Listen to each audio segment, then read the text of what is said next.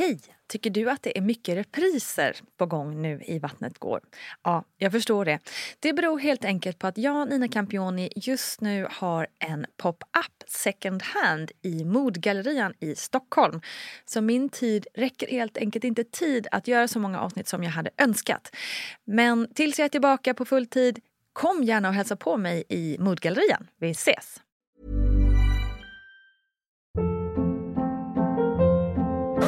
Hold up. What was that? Boring. No flavor. That was as bad as those leftovers you ate all week. Kiki Palmer here, and it's time to say hello to something fresh and guilt-free. Hello Fresh. Jazz up dinner with pecan-crusted chicken or garlic butter shrimp scampi. Now that's music to my mouth. Hello Fresh. Let's get this dinner party started. Discover all the delicious possibilities at hellofresh.com. Here's a cool fact a crocodile can't stick out its tongue. Another cool fact you can get short term health insurance for a month or just under a year in some states. United Healthcare short term insurance plans are designed for people who are between jobs, coming off their parents' plan, or turning a side hustle into a full time gig. Underwritten by Golden Rule Insurance Company, they offer flexible, budget friendly coverage with access to a nationwide network of doctors and hospitals. Get more cool facts about United Healthcare short term plans at uh1.com. Hey, it's Ryan Reynolds, and I'm here with Keith, co star of my upcoming film, If, only in theaters, May 17th. Do you want to tell people the big news? All right, I'll do it. Sign up now and you'll get unlimited for $15 a month in six months of Paramount Plus Essential Plan on us. Mintmobile.com slash switch. Upfront payment of $45 equivalent to $15 per month. Unlimited over 40 gigabytes per month. Face lower speeds. Videos at 480p. Active Mint customers by 531.24 get six months of Paramount Plus Essential Plan. Auto renews after six months. Offer ends May 31st, 2024. Separate Paramount Plus registration required. Terms and conditions apply if rated PG. Quality sleep is essential. That's why the Sleep Number Smart Bed is designed for your ever evolving sleep needs. Need a bed that's firmer or softer on either side? Helps you sleep at a comfortable temperature? Sleep Number Smart Beds let you individualize your comfort so you sleep better together. JD Power ranks Sleep Number number 1 in customer satisfaction with mattresses purchased in-store. And now, save 50% on the Sleep Number limited edition Smart Bed for a limited time. For JD Power 2023 award information, visit jdpower.com/awards. Only at a Sleep Number store or sleepnumber.com.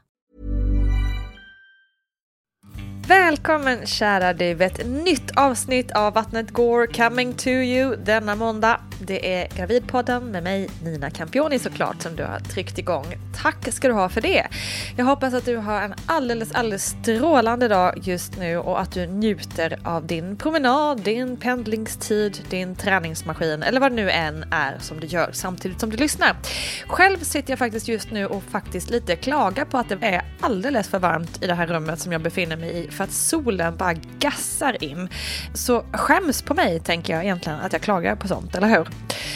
Någon som sällan klagar på solen det är veckans underbara gäst för hon gillar solen så pass mycket att hon faktiskt flyttade efter den och bor numera i Kalifornien i USA. Vi pratar om min kära poddkollega från en av mina absoluta favoritpoddar Skåpet. Vi pratar om journalisten och författaren Peppe Öhman. Peppe som just nu är superaktuell med sin nya roman En gång om året heter den och den vill du inte missa och vi kommer absolut prata mer om den mot slutet av det här programmet programmet. Hur härligt ska det nu inte bli att åka över till Atlanten och prata lite om hur det var att föda barn over there kontra i Finland. Vi kommer också att prata en hel del om vår egna självbild, hur den har förändrats över tiden innan gravid, under graviditeten och efter. Och nu välkomnar jag Peppe Öhman.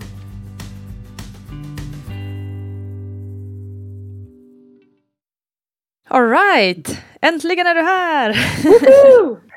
Vi ska prata om så spännande saker. Jag tror, alltså en del som känner till dig vet ju att du har en ganska spännande förlossningsberättelse i ditt eh, bagage. Eh, men vi börjar, vi börjar från början, eh, när ni bodde i Finland fortfarande. Hur gick dina tankar om att bilda familj? Um, jag hade ju alltid tänkt rent sådär teoretiskt att uh, jag ville ha familj och barn. Men uh, det var min man Magnus som uh, men han var så barnsugen så vi fick barn ganska fort eh, efter att vi träffades. Vi, eh, jag okay. faktiskt vet att jag var gravid på typ en dag före vi skulle gifta oss. Så det var ett oh, wow. okay. hemligt shotgun wedding. och, eh, jag kommer ihåg att jag hade sån panik, alltså det var verkligen en, uh, en sån chock, för jag, tänker, jag tänkte alltid att det kommer att ta länge innan man blir gravid. Man håller på att testa sig fram. Mm. Och så gick det jättefort och så skulle vi gifta oss och jag hade tänkt Alltså jag hade tänkt vara full på bröllopet, men det gick ju inte alls. Jag kommer mest ihåg att jag hade jätte, jätte ömma bröst och alla som kramade mig och tryckte, tryckte sig mot mig. Tyckte det var jättejobbigt. Och uh, ja, så vi hann, alltså Magnus och vi gifte oss så fort, alltså vi hann bara vara ihop ett år innan vi gifte oss och uh, så jag har knappt uh, levt med honom utan att ha barn. Nej. Det är lite, lite likt eh, mig och Simone faktiskt också då. Ehm, det var lite samma grej för oss. Men, men vad spännande det där med bröllopet för Kamakla, speciellt när du fick reda på det så sent inpå. Då hade man ju verkligen, jag tänker laddat för en rejäl fest. Och liksom, verkligen! Den känslan. Och maten och allt. Alltså, var det något sådär typ att nej, men, nu kan jag inte ens äta det här för jag mår illa liksom? Nej, alltså jag mådde ganska illa. Vi hade bouillabaisse kommer jag ihåg på på bröllopet jag tyckte det var ganska äckligt, vilket var ju sjukt för att uh, jag gillar ju jättemycket bouillabaisse i verkligheten, inte, mm. men tydligen inte som gravid. Det är konstigt det där också. Efteråt åkte vi en, vi var en vecka i Barcelona på bröllopsresa. Jag kommer ihåg att allt var så, alla tapas var så äckliga. Och, uh, Vad tråkigt! ja, verkligen en miss. Ja, det är en deppig avigsida av det hela liksom. Mm. Men hur var det annars då tycker du att vara gravid förutom det då? Uh, alltså jag hade ju tur, jag hade en väldigt enkel graviditet, mådde på det stora hela ganska bra, men jag hade en sån enorm uh, identitetskris. Jag, jag var mm. så rädd för att uh, allt kommer att förändras efter att vi får barn. Och uh, mm. jag var så rädd att jag skulle halka ner i någon slags här ojämlikhetsfälla där Magnus bara fortsatte med sin karriär och jag stannade hemma och, och fick jättemånga barn och aldrig kunde jobba mer och folk skulle bara se mig som mamma och inte som individ. Så jag tror att jag genomgick någon slags här, alltså verkligen en trotsperiod där jag, jag var jättenoga med att inte tala om min graviditet alls. Jag ville att folk bara skulle tala med mig som... Jag var bara att jag är upp med ögonen, jag är fortfarande samma person, jag har fortfarande ett ja. jobb, jag, jag är en människa. Så efterhand kan jag känna att jag kanske slösar bort lite graviditeten för att jag var så noga med att poängtera att jag att det är verkligen inget sjukdomstillstånd det här, jag råkar bara vara gravid, det. det. är bara en annan människa som mm. växer i mig. Och äh, mm. vägrade gå på liksom gravidyoga och gravidaktiviteter, utan bara låtsades som ingenting skulle ha hänt medan min mage växte. Mm. Du, jag tänker också på det här som du nämner med jämställdheten. Vi som lyssnar på eh, din podcast Skåpet, eller er, eh, vet ju att du eh, är liksom otroligt... Alltså du, eh, jag menar, det är ju en av dina största drivkrafter känns det som mm. på, på mångt och mycket. Vad gjorde du rent konkret liksom, för att inte hamna i den här jämställdhetsfällan som lätt sker när man blir gravid och får barn? Alltså jag talar jättemycket med Magnus om det. Alltså verkligen nästan alltså så öronen blödde på honom. Men äh, jag tror det var bra också för att vi, det gick ganska bra. Så vi var jättenoga med att äh, han, så fort barnet kom ut så var det hans ansvar precis lika mycket som mitt. Och äh, mm. vi, jag ammar ju ganska lite faktiskt också. Vi, från början så, så gjorde så, så matade vi vidare, som min första det heter, med ersättning och bröstmjölk. Och också i någon slags mm. nästan manisk jämställdhetsvilja för att han, Magnus steg upp lika mycket som jag, bytte blöjor lika mycket som jag. Det var verkligen någon slags eh, alltså millimeterrättvisa. Och jag tycker faktiskt inte att det är så farligt med millimeterrättvisa när man folk säger sådär hånfullt, men det kan väl Alltså om man är en hysterisk person om man vill ha det rättvist. Men jag tyckte för, eh, för oss funkar det bra, eller för mig gav det åtminstone ro i, i själen att verkligen kunna dela upp det helt lika. Mm.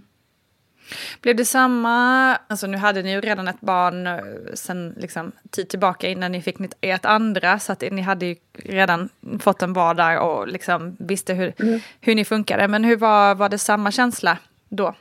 När du fick andra barnet? Ja, jag tror att jag var lite mer avslappnad. Då, hade liksom, då fattade jag att jag kommer att vara samma människa också efter att jag varit gravid. Så mm. det var liksom, jag hade inte samma identitetskris. Och det ledde till att jag, och jag förstod också att det går bra att, att leva ganska jämställt. Det går bra att, att dela. ja, det mesta. Mm. Så det var, jag var liksom lugnare som person och jag tycker vi skötte det ganska bra. Till saken hörde ju lätt för mig att säga också eftersom speciellt när, vi, när Vida föddes då hade vi båda ganska flexibla jobb. Jag jobbade som eh, journalist eller som chefredaktör och Magnus jobbade som programledare på, på TV. Och uh, vi kunde styra någorlunda över vår tid. Men speciellt när Maj-Lis mm. kom när vi hade flyttat till USA, då jobbade vi båda hemifrån. Så att vi, vi alla är ju alltid hemma hos oss. Mm.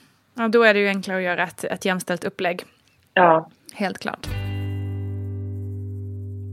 Men okej, förutom då, alltså vi packar igen då till, till eh, Vidar, du vägrar göra liksom, gravidyoga och den typen av eh, saker. Ja, eh, förberedde du dig på något sätt inför förlossningen? Uh, nej, också i någon slags konstig trotsgrej. Vägrar jag, jag har liksom kompisar som mm. kollar på Youtube-videon och jag hade önskat kanske själv så här i efterhand att jag hade gjort det, men det var... Jag gick in i någon slags uh, mode där jag tänkte att det har ju kvinnor gjort hur många gånger som helst och ingenting kommer mm. ändå att bli som jag planerade, så det är bara att, att köra på. Jag tänkte också så här att uh, epidural, alla droger, inget Alltså, jag har inga pretensioner att, att göra en så, vad det nu ens betyder att ha liksom en naturlig förlossning. Vi drar in, jag föder barn och så blir allt mycket lättare på den andra sidan för då, då vet åtminstone mm. två om det här barnet, barnet då är jag liksom inte ensam, som att, ensam över allt ansvar. Det tänkte jag mycket på när jag var gravid, att liksom jag måste göra allting rätt nu för att det här barnet lever i min mage. Sen äh, när äh, det blev, dags, han Vida föddes faktiskt på den beräknade dagen, han var ju väldigt punktlig. Ah, då, okay. En av de få procenten. ja, då gick, då gick vattnet och jag fick sån panik så jag tvingade Magnus ringa till, till BB och, och fråga vad vi ska göra och då sa de att ni får vänta ni får vänta minst ett uh, dygn men sen måste ni komma in på grund av någon slags infektionsrisk. Och mm. uh, eftersom jag inte hade läst på så mycket så var jag bara, ja ja, det här är väl naturligt. Och uh, sov en natt, hände inte så mycket.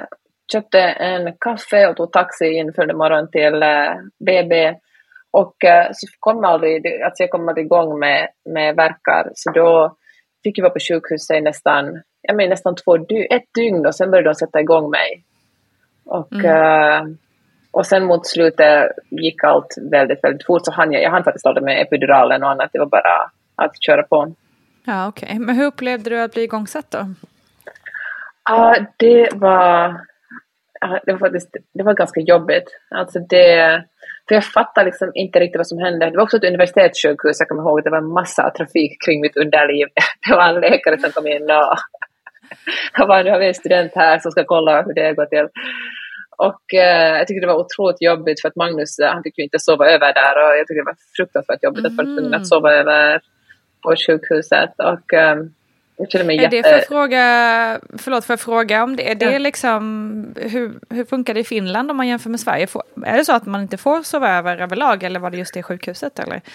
Uh, jag tror att man får ju sova över efter att barnet har kommit, då fick vi ett sånt familjerum. Aha, okej, okay, men inte innan? Men inte innan. Jag vet ah, faktiskt okay. jag har ju aldrig fått barn i Sverige mm. så jag vet inte hur det är där. Men uh, där fick han åka hem och så går man tillbaka följande morgon. Och, uh, jag kände mig nog ganska liten och rädd där mm. på den natten. Och, äh, men sen, äh, sen, ja, men sen blev jag igångsatt och äh, ja, sen gick det ju ganska bra. Jag kommer ihåg att det gick väldigt fort mot slutet. För jag kommer ihåg att jag sa ursäkta kan, kan ni hjälpa till här lite med epidural och ja, men då var det för sent. Vilket jag funderar på. Jag är verkligen ingen expert på att föda barn men jag känner verkligen, var det verkligen för sent? Eller? Mm. Eh, Nej, exakt. Jag har ju frågat eh, det här till poddens expert Gudrun Abascal. Jag har frågat, ställt den frågan ganska många gånger för det är ju väldigt många kvinnor som har fått det svaret. Eh, nu är det för sent. Och eh, enligt Gudrun så är det liksom är det inte så att det är för sent. Man kan få en epidural när som helst, men den har inte så god verkan. Eh, mm. När man har liksom gått över, om man har liksom öppnat, haft de här öppningsverkarna, för det är det som epiduralen gör gör det, det, bästa jobbet på så att säga, den smärtan. För sen går det över i en annan fas och då är inte epiduralen, då kan den snarare stanna upp än, än hjälpa och även tar inte riktigt på, på smärtan på samma sätt. Så har jag förstått det. Eh, men det är ju egentligen fel att säga att det är för sent. Eh, det blir ju, för vill du ha en så kan du få en liksom. Ja, ja men Så, det där ja. känns som en rimlig förklaring. Tänk att det skulle ta nästan 12 år innan jag fick svar på den frågan.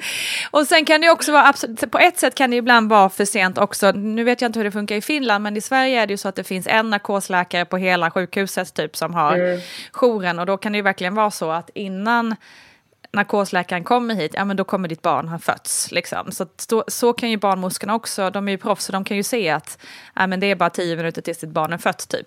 Då är det, Ja, det. Då är det ju på riktigt för sent. Liksom. Eh, då kommer vi inte hinna få den innan. En sak som slog mig som jag verkligen inte själv har tänkt på på jättemånga år, men eh, jag är ju finlandssvensk, så svenska är mitt första språk och jag talar såklart också finska. Men eh, jag kommer ihåg att det var ganska jobbigt att föda barn på finska. För det fanns, jag tror det fanns en eh, barnmorska Ah.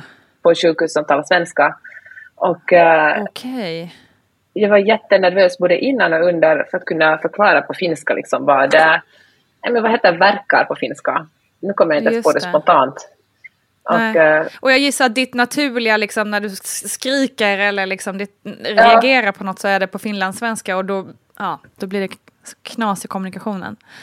Ja, men precis. Så när man har ont och känner sig utsatt då är det ju svårt Mm. att eh, tala ett språk, även om man kan det språket. Jag tror det skulle vara... Såklart. Det, ja, det var en... eh, ja, det är ju också när man känner sig ynklig vill man bara tala sitt eget Mm. modersmål.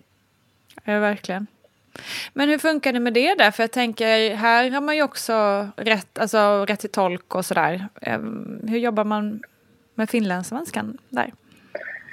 Um, ja, vilken bra fråga. Alltså som sagt finns det ofta någon som talar svenska, men det är ju också människor som måste gå hem och sova på natten eller som har skift och det Såklart. finns ju verkligen inte lika många. Så jag, um, jag minns, vilken bra fråga. Jag tror att jag fick snacka om det innan och då sa de att de gör sitt bästa för att någon som talar svenska skulle vara med mig. Så det tog ju ganska länge, det var ju mitt första barn, det tog ganska länge så att hon som talar svenska hann ju verkligen gå hem och komma tillbaka innan Vidar var född.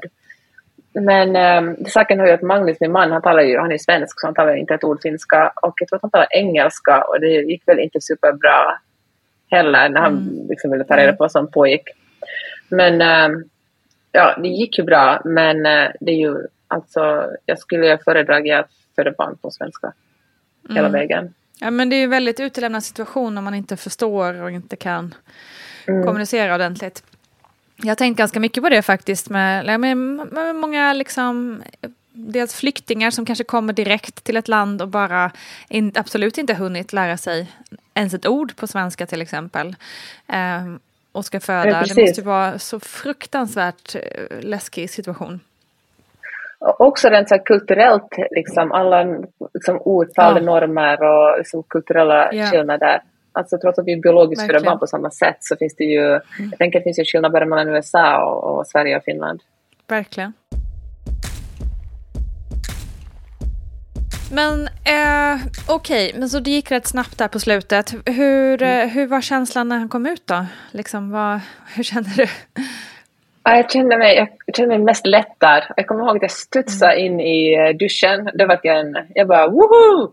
Och, eh, och så frågade som någon som sköter syra där om jag behöver, om jag vill, liksom, vill att hon håller mig i handen eller behöver stöd. Och jag bara nej, nej, nej, nej. Det här, allt, eh, det här fixar jag. För jag vill, jag känner mig så här oövervinnerlig. Jag bara, den här Ja, adrenalinkick. Ja, den, har, den fixar vad som helst.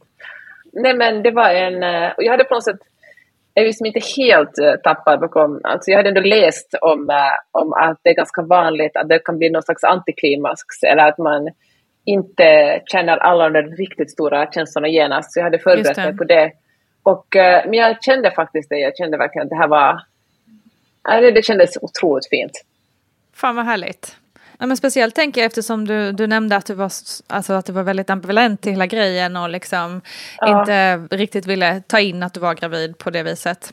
Ja, nej, det var, det var en fin känsla. Jag tror det tog lite längre för Magnus att, eh, samla, att få de känslorna. Men eh, det jag kände är att jag ville bara packa ihop hela min lilla familj och uh, åka hem och mysa. Inte stanna på sjukhuset. Men, eh, men vi var tvungna att stanna i två dygn, vilket säkert var väldigt smart och bra.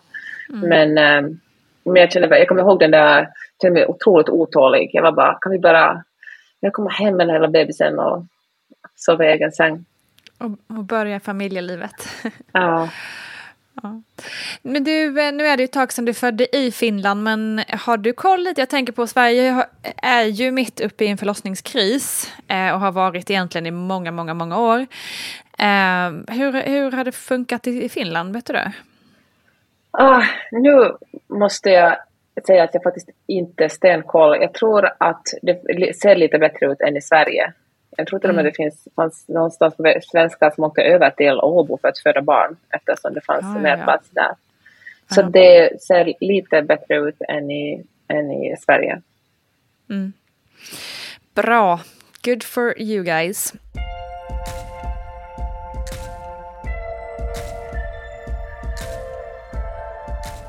Nej, men, och, och så kom ni hem sen då och, eh, och påbörjade ert jämställda föräldraliv.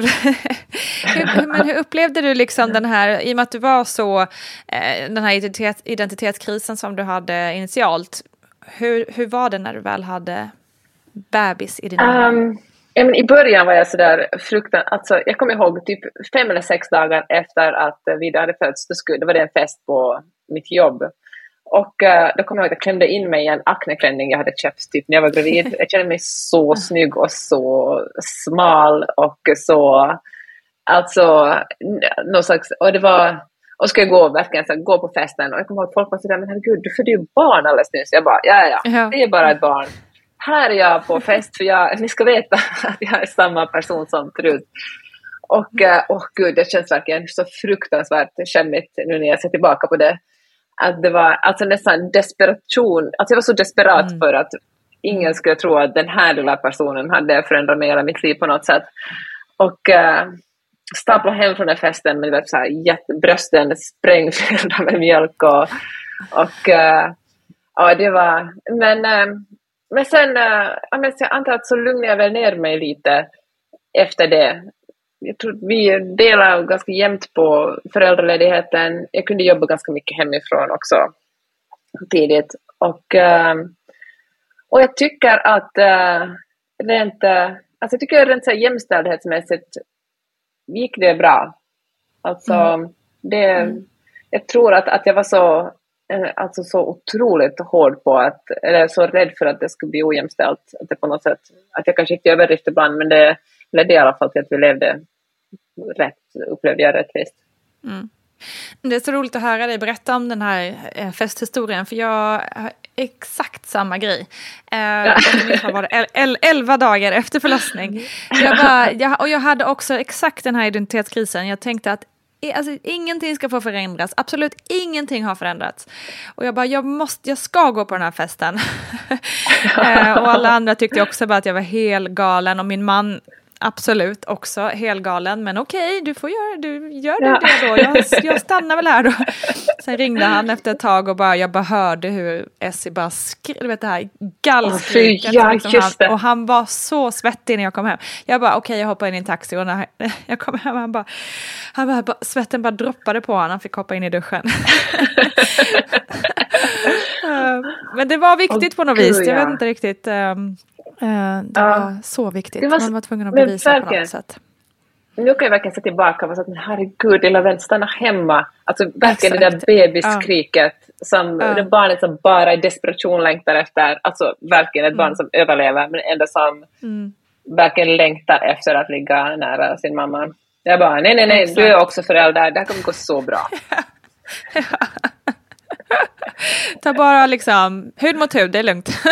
Ja, exakt!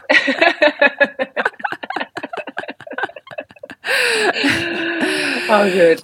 Men du, sen var det dags att dra över Atlanten och, eh, Ja. och bo i USA ett tag, eller du gör ju fortfarande det. Hur, hur lång tid tog det där liksom innan ni, ni kände att det var dags för ett syskon? Och vad var det som gjorde att det var, att det var redo?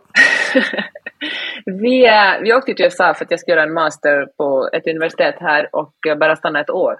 Och eh, sen, eh, ja, men sen tyckte vi så mycket om att bo här så vi eh, bestämde oss för att bo här lite längre. Och de första åren kände vi verkligen så att men vi testar ett år till. Ja, men vi testar ett år till. Nu började det rulla på, man började få lite kompisar så vi testar ett år till. Och vi hade ju verkligen bara tänkt ha ett barn. Min man är enda Ah, barnet okej. själv och han tycker att det är Ja. den perfekta lösningen. Och uh, jag bara fine alltså. Jag har, jag har själv uh, två halvsystrar och en helsyster och älskar dem otroligt mycket. Jag tycker det är ganska fint med syskon. Men jag kände verkligen inget sug efter att bli gravid en gång till. Men uh, ja, sen blev jag ändå gravid. ja. Och, och då var... Ni var tvungna att ligga en gång i alla fall? Liksom. Ja, ja. Den enda gången vi låg efter att Vidde föddes gick det som det gick. Ni kunde inte hålla er. och uh, ja, okej, okay, alltså om jag ska vara helt ärlig så, så nu låter det väldigt så här tufft men alltså det var ju jag, eh, jag ska byta spiral och uh, så tänkte jag men fan det kan väl vänta, jag byter spiral, jag kan väl vara utan spiral i sex månader. Jag är nästan 40, ingen människa blir väl gravid när man är 39. Och, mm. ja, och, men det kan man tydligen bli.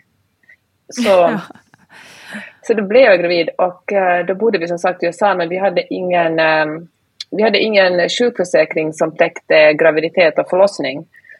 Och, ah, eh, okay. mm. och delvis för att vi liksom inte riktigt hade planerat att bo här en längre tid. Då hade vi bott här i fyra, fem år och vi tänkte alltid att äh, vi testar ett tag till oss. Vi liksom hade liksom riktigt äh, etablera oss så. För det är ju mm. svindyrt med sjukförsäkring. Det kan ju kosta liksom tusen dollar i månaden utan problem att betala för det. Mm. Och äh, det var, det var inte en, det var ganska, alltså det, jag var så vad fan ska vi göra liksom? Ska vi hålla det här barnet? Jag, som, jag är verkligen absolut tycker att äh, abort ska vara ett alternativ och det kände jag också för mm. mig själv. Men, äh, men plötsligt när jag själv var gravid tänkte jag att äh, liksom var jag inne och nosade på den idén men äh, det kändes, ja men, ja det kändes inte, jag ville inte det. Och äh, då höll jag på, då, ja men så började jag kolla, jaha, ska vi åka till, ska jag föda barn i Finland, ska vi åka till Sverige och födde barnet där och vad innebär det då? Då borde vi ju som flytta, skulle flytta tillbaka permanent. Det blev plötsligt en massa saker som låg uppe i luften.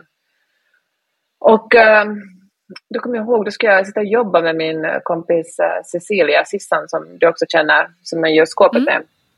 Och då hade hon ganska nyligen fått barn och så sa hon att hon, när hon, hon hade gått all in, det var hennes tredje barn, hon hade verkligen haft en doula och testat en massa grejer, verkligen levt mm. graviditeten fullt ut. Och eh, då sa hon att det finns något som heter birthing centers som eh, inte är ett sjukhus eller ett BB utan det är egentligen barnmorskor som tar hand om en och det föder man. Ja men, eh, ja, men det är liksom en, en, eh, någonting som, som ett alternativ.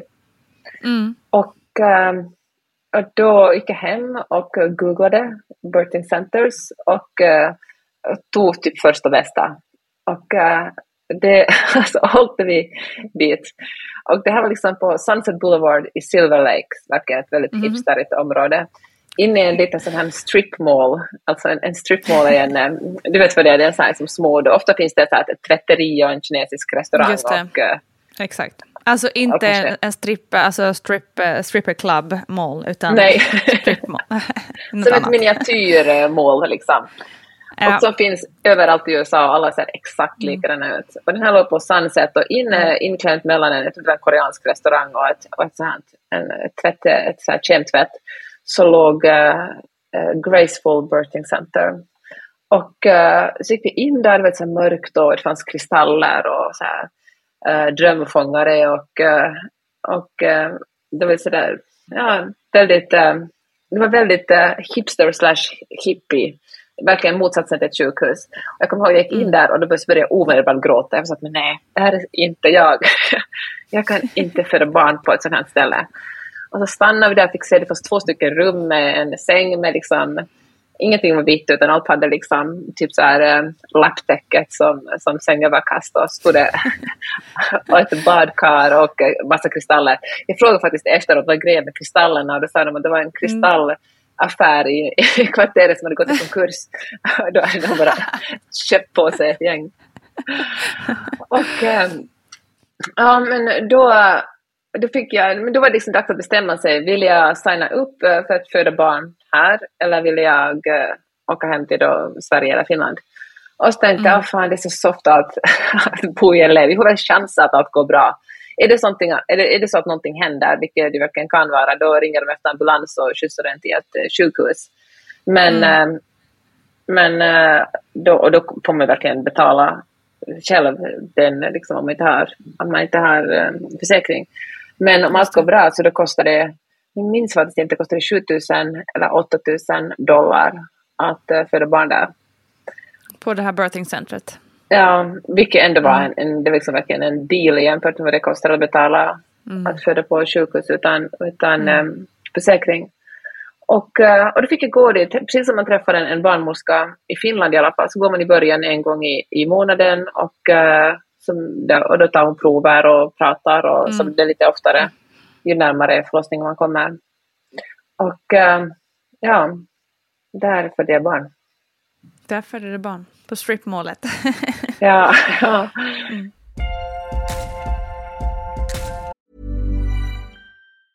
Quality sleep is essential. That's why the Sleep Number Smart Bed is designed for your ever evolving sleep needs. Need a bed that's firmer or softer on either side? Helps you sleep at a comfortable temperature? Sleep Number Smart Beds let you individualize your comfort so you sleep better together. JD Power ranks Sleep Number number 1 in customer satisfaction with mattresses purchased in-store. And now, save 50% on the Sleep Number limited edition Smart Bed for a limited time. For JD Power 2023 award information, visit jdpower.com/awards. Only at a Sleep Number store or sleepnumber.com.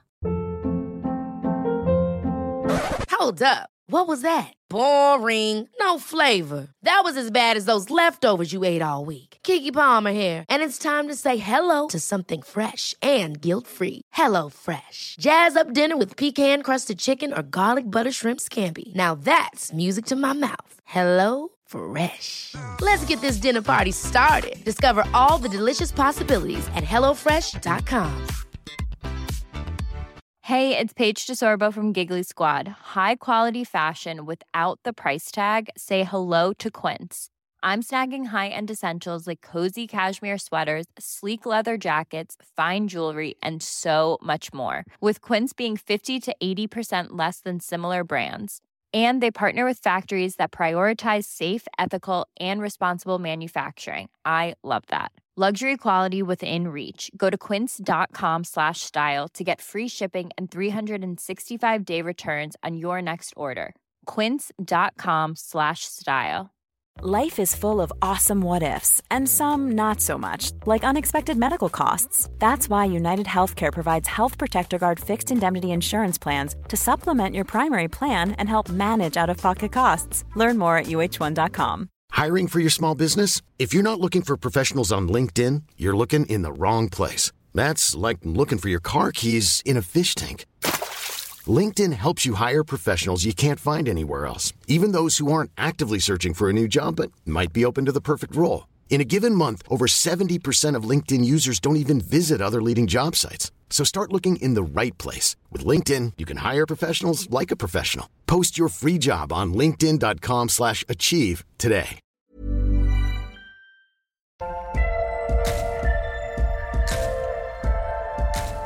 Hur, men hur började den förlossningen då? Alltså hur, eh, hur, hur, hur märkte du att det var något på gång? Ja, men då kommer jag ihåg, då vaknade jag tidigt, liksom morgonnatten en morgon och kände att det här är nog, eh, det här är nog riktiga verkar. Och äh, väckte Magnus vid sex, halv sju och äh, sa att vi måste nog åka in för det är nu det händer. Ringde barnmorskan mm. och sa att vi kommer in släppte av eh, vidare hos en kompis och eh, så åkte vi in. Jag kommer ihåg vi åkte ner mot, eh, när vi åkte in till Silver Lake så höll solen på att gå upp och det var jättefint. Verkligen. Vi körde ner liksom på PCH som är den stora motorvägen som ligger där hela vägen längs med, den Amerika, längs med Kaliforniens kust. Och, och det var jättevackert, ingen trafik alls. Här i LA blir man ju alltid på jättegott wow. när det är noll trafik. Han bara woho! Och, och susade in och eh, så gick det ganska fort, alltså verkarna kom, eh, kom allt snabbare. Jag kommer ihåg att när jag, när jag födde vidare för att få igång, liksom, för att få igång liksom verkarna tog vi långa promenader kring sjukhuset. Jag tänkte, mm. inget problem, vi gör det här nu.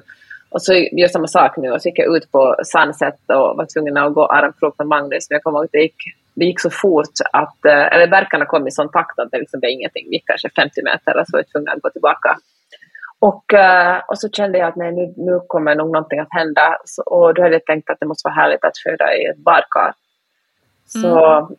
hoppade ner i badkaret och uh, där, eh, ja, men där blev verkarna mer intensiva. Jag kommer ihåg, jag vet inte om du hade samma sak när du födde barn, men du vet att ibland, det känns verkligen som en någon slags kraft tar tag i ens kropp och bara slänger mm. omkring en utan att ja. man har någon som helst kontroll.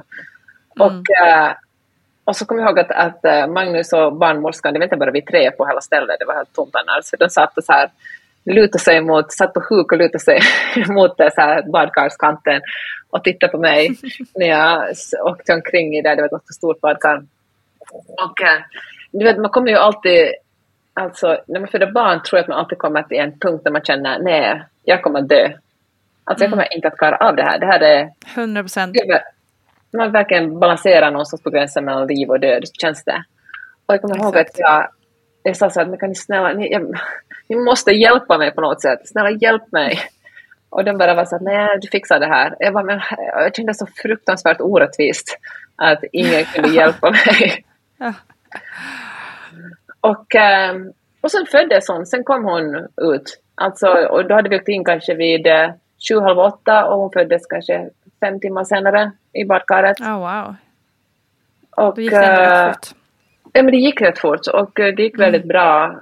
Och, ehm, men, men också när hon kom ut, då är det någonting som revs upp, så jag förlorade ganska mycket blod. Jag kommer ihåg, det finns en bild fortfarande, mm. jag verkligen ligger i, och det är verkligen inte ett badkar fullt av blod, men när blodet blandar sig med vattnet så ser det ja, verkligen ja, ut som ja, jag skulle ligga mm. allt för bra mm. rött. Mm. Och, eh, och så steg jag upp och fick lägga mig i den här sängen som såg ut som vilken, vem som helst säng i ett vanligt vardagsrum. Och, och så finns det en, alltså allt är så upp och ner då, men det finns liksom ingen, jag tror att Magnus filmade ingenting, men det finns att, du vet man tar bilder, och så blir det så här live funktion, alltså att man, mm. så man får liksom två, mm. två sekunder av bild. Mm. Och då finns det en mm. bild där jag säger, det håller Maj-Lis i, i famnen och säger sådär, hej du kan kalla mig Peppe. Och, eh, så jag upptäckte den alltså bara alldeles, jag visste inte om det, jag upptäckte det alldeles nyligen. Det är något annat jag ska göra med den bilden och sen får jag mig själv säga det. Och äh, ja, men så, ja men så låg vi där och äh, nej men då hade jag förlorat ganska mycket blod och du vet, det är ju så fruktansvärt hemskt när, äh, alltså vad heter det, ähm, när moderkakan ska ut. Det är ju, de har ju fött mm. ett barn ja, ja, ja. och man bara woho! Och de bara vänta. Ja exakt, man tror man är färdig. ja. Men eh, den ska ut också. Och, eh, och, då, och med den, alltså det var där som någonting revs upp inne i mig som mm. gjorde att jag förlorade så mycket blod. Och eh, det blev det verkligen mm. jättemycket. Och då kände jag mig verkligen fruktansvärt svag. Och jag kommer ihåg att det, ändå, det var inget sjukhus så de kunde inte ge mig blod, men jag fick någon slags vätskeersättning. Men äh, jämfört med jag födde vidde då bara skuttade jag upp ur sängen och in i duschen. Och mm. nu skulle jag, tänkte jag skulle göra samma sak, men jag kom liksom inte ens upp ur sängen. Jag bara, alltså jag kan, jag kan, det går inte. Nej. Men de kunde ändå stoppa blodflödet där eller? Ja, men det kunde de. Det kunde de. Mm. Och, ehm, och då, ja, då tror jag, alltså alltid, jag tror det räckte upp en annan barnmorska för en stund. Jag har ett svagt minne av att det fanns två stycken där. Och, eh, och då låg jag och då sa de så här typ att okej, okay, om du inte kommer upp ur sängen, då måste, vi, då får, du måste åka till ett sjukhus alltså för att eh, mm. du måste kunna gå ut härifrån på egna ben. Och då mm. tänkte vi att om vi beställer lite mat får jag kanske lite energi, så då ringde vi och beställde thai take-out. Och mm. uh, beställde hem, det skulle vi ihåg, en extra portion åt, såklart åt barnmorskan, för hon var ju också hungrig. Och satt vi där alla tre på sängen och åt thai-mat. Och så började klockan närma sig typ så fyra, fem och eh, man såg på barnmorskan att hon, att hon var en supergullig person. Men det var en lång dag för henne också. Hon var lite sugen hon hade jobbat att, färdigt. Ja. så då var hon bara sådär, kolla på klockan, vi bara fine, vi åker väl då. Och så uh. packade vi ihop allting och då hade jag det så här, då kommer jag ihåg att, att hon verkligen hade sagt att om jag inte klarar av att gå ut härifrån själv, då måste de skicka mig till sjukhus. Och jag kände verkligen att vi har inte råd att jag åker till ett sjukhus. Äh, fy, ja vilken känsla. Ja. ja, det var också, då gick Magnus, hon gick mig med Maj-Lis i famnen och jag staplade ut till äh, vår bil, en gammal skruttig Nissan hade vi på den tiden. Och, äh, och jag kommer ihåg att jag bara gick så fort jag kunde för jag visste att om det här, går, om det här tar länge kommer jag att falla ihop, alltså bara på grund av mm. blodbristen, jag känner mig så svag. Men, ähm, men vi kom in i bilen och, äh, och klarade oss. Och så kom jag ihåg när vi körde hem höll solen på att gå ner. Det var på något sätt så fint för då hade vi verkligen åkt in till soluppgången och så var solen gick ner över LA när vi körde hem. Plockade upp mm. vidare på vägen och äh, ja, så var vi hemma. Hur mådde du sen då? Hur lång tid tog det innan du liksom kände dig okej? Okay? Ja, jag, mådde, jag var ganska svag länge. Jag kommer ihåg vi hade Alltså, herregud, vi var ju verkligen inte så smarta. Det känns verkligen helt som ett livsfarligt projekt på det stora hela att bara bestämma sig för att, ja, ja. att det går ju säkert bra det här. Men vi skulle få gäster från Sverige, eh, min, min mans bästa kompis, hans familj. Lyckligtvis bodde de inte hemma hos oss, de hade hyrt en Airbnb. Men, eh, och det var halloween, Maj-Lis är född en vecka före halloween och då ville ju att alla barn gå ut och kolla på husen, folk går ju verkligen mm. bananas här och dekorerar sin hus. Mm. Jag tänkte, jag bara, mm. jag Maj-Lis i barnvagnen och sen ta en promenad med dem och visa hur det ser ut här. Och jag kommer ihåg att jag var så svag.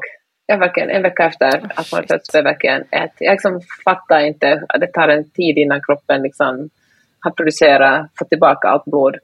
Så jag tror det tog säkert en, en månad innan jag kände att jag var mig själv igen. Åt en massa mm. järntabletter och försökte vila men, men eh, jag var väldigt snurrig varje gång jag skulle stiga upp från sängen eller, eller soffan. Fy. Ja, det, gud, usch, jag tänker fanken vad det kunde gått illa alltså. Ja. ja det känns Hemskt. verkligen som ett idiotiskt projekt så här i efterhand. Mm. Men, äh, men det, gick ju, det gick ju bra liksom. Och jag menar, vad är det värsta som ska... Alltså, skulle, vi skulle ju ha åkt in på sjukhus men Gud vet vem som ska betala den äh, räkningen. Ja, men det är ju det, liksom, det är ett sånt idiotiskt system som inte, alltså, där det inte finns någon, någon säkerhet alls. Liksom. Verkligen. Allt är också så Alltså det är så, vi hamnar ju på något sätt i något sorts mellanläge också för att är man, är man låginkomsttagare då kan man ju få liksom en statlig försäkring mm, om man tjänar. Mm. Men eh, eftersom vi var här på journalistvisum så låg vi någonstans, äh, fanns, det fanns liksom ingen riktig plats för oss i systemet. Nej, det är mm. verkligen undermåligt alltså på det stora hela, alltså sjukförsäkringssystemet mm. i USA. Det är ju mm. verkligen en katastrof. Ja, det är svårt som liksom, svensk eller skandinav att, att uh, förstå liksom, krafterna som vill ha kvar det, uh, det systemet. Det känns helt världsfrånvänt på något vis. Men du, jag tänkte också apropå, för nu har du ju fött, fött barn, ditt andra barn var ju också på ett annat språk. Hur upplevde du det, liksom, eh, att prata engelska när du födde? Vilken bra fråga. Alltså, det var, kändes faktiskt mer naturligt än att föra på finska, vilket ju låter helt galet eftersom, eftersom jag också pratar finska. Men äh, jag vet, det, var, det kändes inte alls lika konstigt. Mm. Också för att den här barnmorskan hade, jag hade på en närmare relation med henne. Hon följer ju fortfarande, vi följer varandra fortfarande på Instagram och ibland kommer hon på, nu har hon i sig flyttat till norra Kalifornien, men hon kom på Miley's födelsedagar. Och, Nej, och, vad eh, fint. Ja, men, eh, men det gick, eh, men kanske också för att det kände, jag levde i en jag levde liksom ganska av engelskspråkig omgivning här så att det känns som ett vardagsspråk på ett annat sätt. Jag menar Finland är ju också ja. finskt men när jag, när jag bodde i Finland jobbade jag på svenska och liksom levde i en ganska mm. svenskspråkig bubbla. Mm, just det. Du, när du liksom ser tillbaka på dina två förlossningar och graviditeter, vad, liksom, hur, hur, ser du på dem idag? Den, den sista var du ju ändå, liksom, hade ju kunnat gå riktigt illa, men nu är det, liksom, hur ser du på det idag? Jag tänker väl mest att jag har haft en otrolig tur.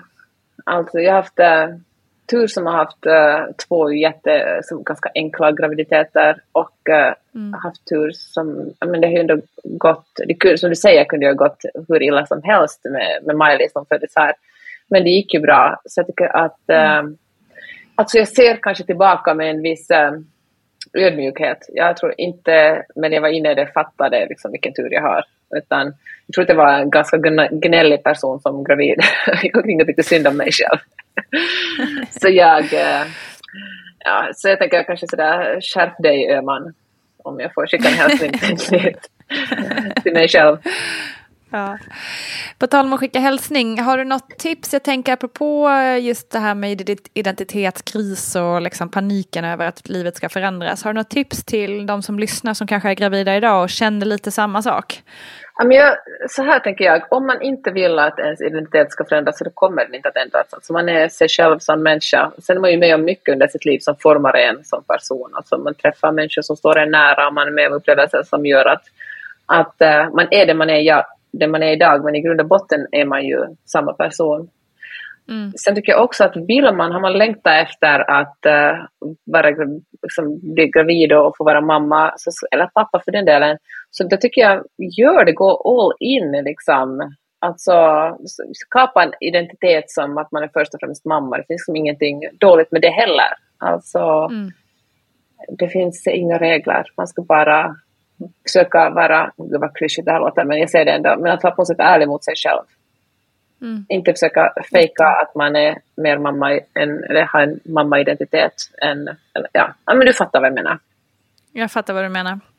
Be true till dig själv helt enkelt. Ja. Jättebra slutord tycker jag. Tack så hemskt mycket för det. Ja, men tack. Tack, tack, tack bästa Peppe Öhman. Missa nu inte att hon har släppt en alldeles sprillans ny bok. En gång om året heter boken och det är en relationsroman och jag tänker att jag läser lite från baksidan här nu. Carolina har ett vackert hem, en imponerande karriär, två härliga bonusbarn och hon har Christian. Christian är närvarande, han lagar härliga middagar, han är en bra varannan vecka-pappa och populär i umgängeskretsen. Christian är helt enkelt en bra person. Han och Carolina lever mer jämställt än de flesta, men ändå är det något som skaver. Varför är det alltid Carolina som tar allt ansvar för barnens klädstorlekar och vänners födelsedagar? Och varför, varför, varför städar Christian alltid bara bort middagen till 90 procent?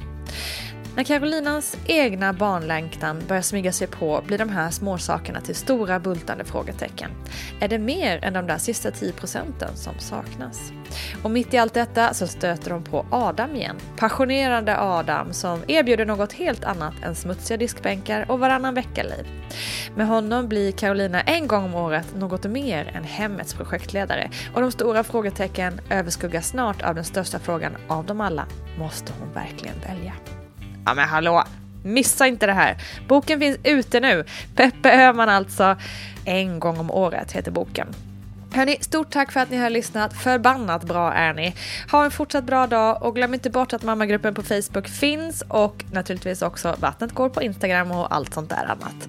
Missa absolut inte heller Birth Inspiration Day som blir av den 7 maj. Du hittar mer info på Insta och på birthinspirationday.com. Ha det bäst, hej då!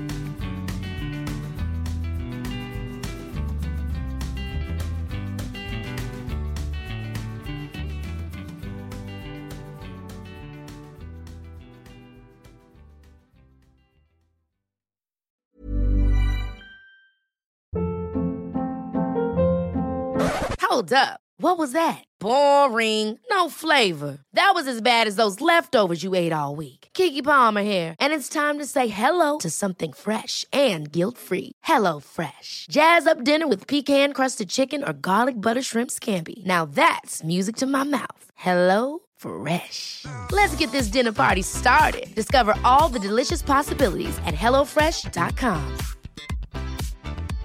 Imagine the softest sheets you've ever felt. Now imagine them getting even softer over time. That's what you'll feel with Bowl and Branch's organic cotton sheets. In a recent customer survey, 96% replied that Bowl and Branch sheets get softer with every wash. Start getting your best night's sleep in these sheets that get softer and softer for years to come. Try their sheets with a 30-night guarantee. Plus, get 15% off your first order at bowlandbranch.com. Code BUTTERY. Exclusions apply. See site for details. Hi, I'm Daniel, founder of Pretty Litter. Cats and cat owners deserve better than any old-fashioned litter. That's why I teamed up with scientists and veterinarians to create Pretty Litter. Its innovative crystal formula has superior odor control and weighs up to 80% less than clay litter. Pretty Litter even monitors health by changing colors to help detect early signs of potential illness. It's the world's smartest kitty litter. Go to prettylitter.com and use code ACAST for 20% off your first order and a free cat toy. Terms and conditions apply. See site for details. Even when we're on a budget, we still deserve nice things. Quince is a place to scoop up stunning high end goods for 50 to 80% less than similar brands. They have buttery soft cashmere sweaters starting at $50, luxurious Italian leather bags, and so much more. Plus, Quince only works with factories that use safe, ethical, and responsible manufacturing. Get the high-end goods you'll love without the high price tag with Quince. Go to quince.com/style for free shipping and 365-day returns.